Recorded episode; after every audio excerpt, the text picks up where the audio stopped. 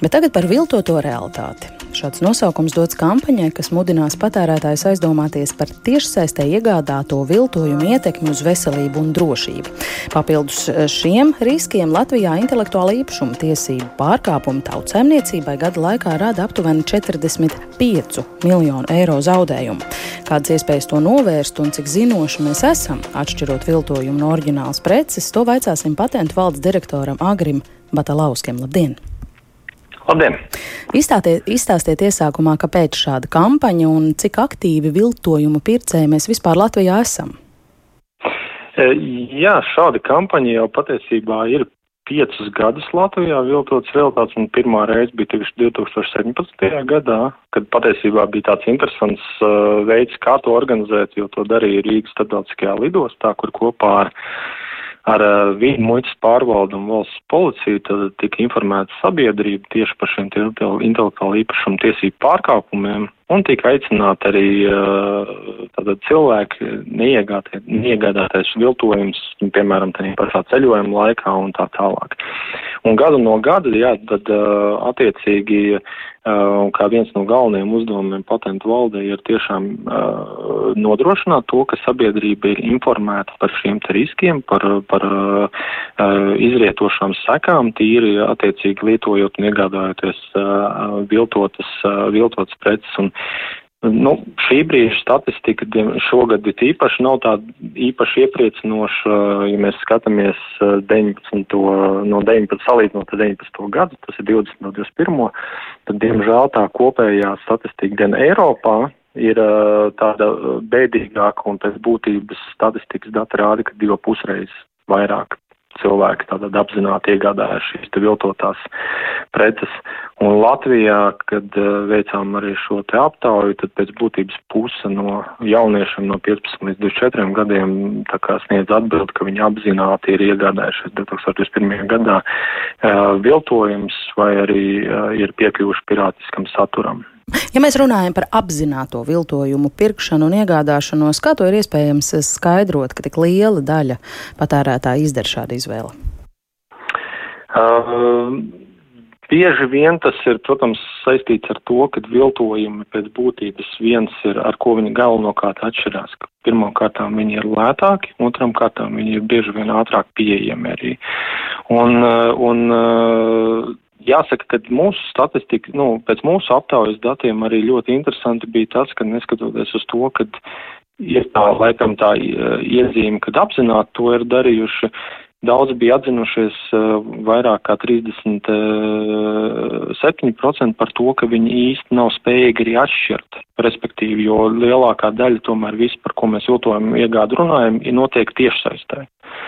Un, protams, tad ir daudz grūtāk dažkārt atpazīt, eh, vai tā interneta vietne vai veikals ir eh, un, un tirgo oficiālu un oriģinālu preci, vai viņi tirgo tātad šo te, šos te viltojumus. Kādos preču segmentos ir vislielākā patērētāja interese par viltojumiem, un kur tad īsti slēpjas tie riski, kāda ir viltojumu iespējamā ietekme uz veselību un drošumu? Jā, Lat Latvijā, ja mēs skatāmies tīri, eh, tad eh, mums, mums tops ir salīdzinoši līdzīgs kā Eiropā arī, un tur, protams, pirmo vietu mums aizņem apģērbs, un tad ir apavu elektroniskas preces un higienas preces, kosmētikas mažas, un arī, arī uh, noteikti pieminams ir arī tas pats medikaments, medikaments tātad kategorija, kas, protams, pēc, eh, pēc tāda kaitīguma, ja mēs tā lietošanai un veselībai, drošībai, tad kosmētika, smaržas, higienas preces un medikamenti ir tas, droši vien tas eh, viss, eh, nu, viskaitnieciskākā kategorija. Ja? Jo pēc būtības viltojuma gadījumā neviens par kvalitāti īsti neatbild, neviens arī nezin, kur tas ir ražots, kā tas ir ražots, kādas vielas, kādas aktīvās vielas, kā tas varētu ietekmēt attiecīgi cilvēku to visu lietojot un tā tālāk. Bet tas, ko mēs arī šīs kampaņas ietveros uzsveram, ka, nu, ar to tas viss arī nebeidzās un patiesībā runājot par tādiem pašiem apģērbiem, apaviem, um, elektroniku un to, ko es vēl nepieminēju, arī rotaļlietas. tur arī ir ļoti liela nozīme tam, un pēc būtības var arī tikt radīts, radīt krietni draudi gan, gan drošībai, gan veselībai, jo tā kā mēs runājam, nevienmēr ir saprotams, kādas vielas tiek uh, izmantotas. Tam pašam spēļmantam daudz piemēru ir jau mēdījos bijuši, kur, kur, kur nu, bērni liek gan motē mantas, gan arī var vienkārši sadurties aiz, aiz, aiz kaut kā asa, jo nav jau tās. Nu, šādām viltojuma precēm nav nekādas kvalitātes kontrolas, respektīvi, un nav no kā prasīt atbildību pēc tam. Manā auss aizķērās aiz tā, ko jūs teicāt par medikamentiem. Es gribu vaicāt, vai jūsu rīcībā ir informācija, vai Latvijā ir eh, šeit bāzētas internetu vietnes, kas tirgo viltotus medikamentus?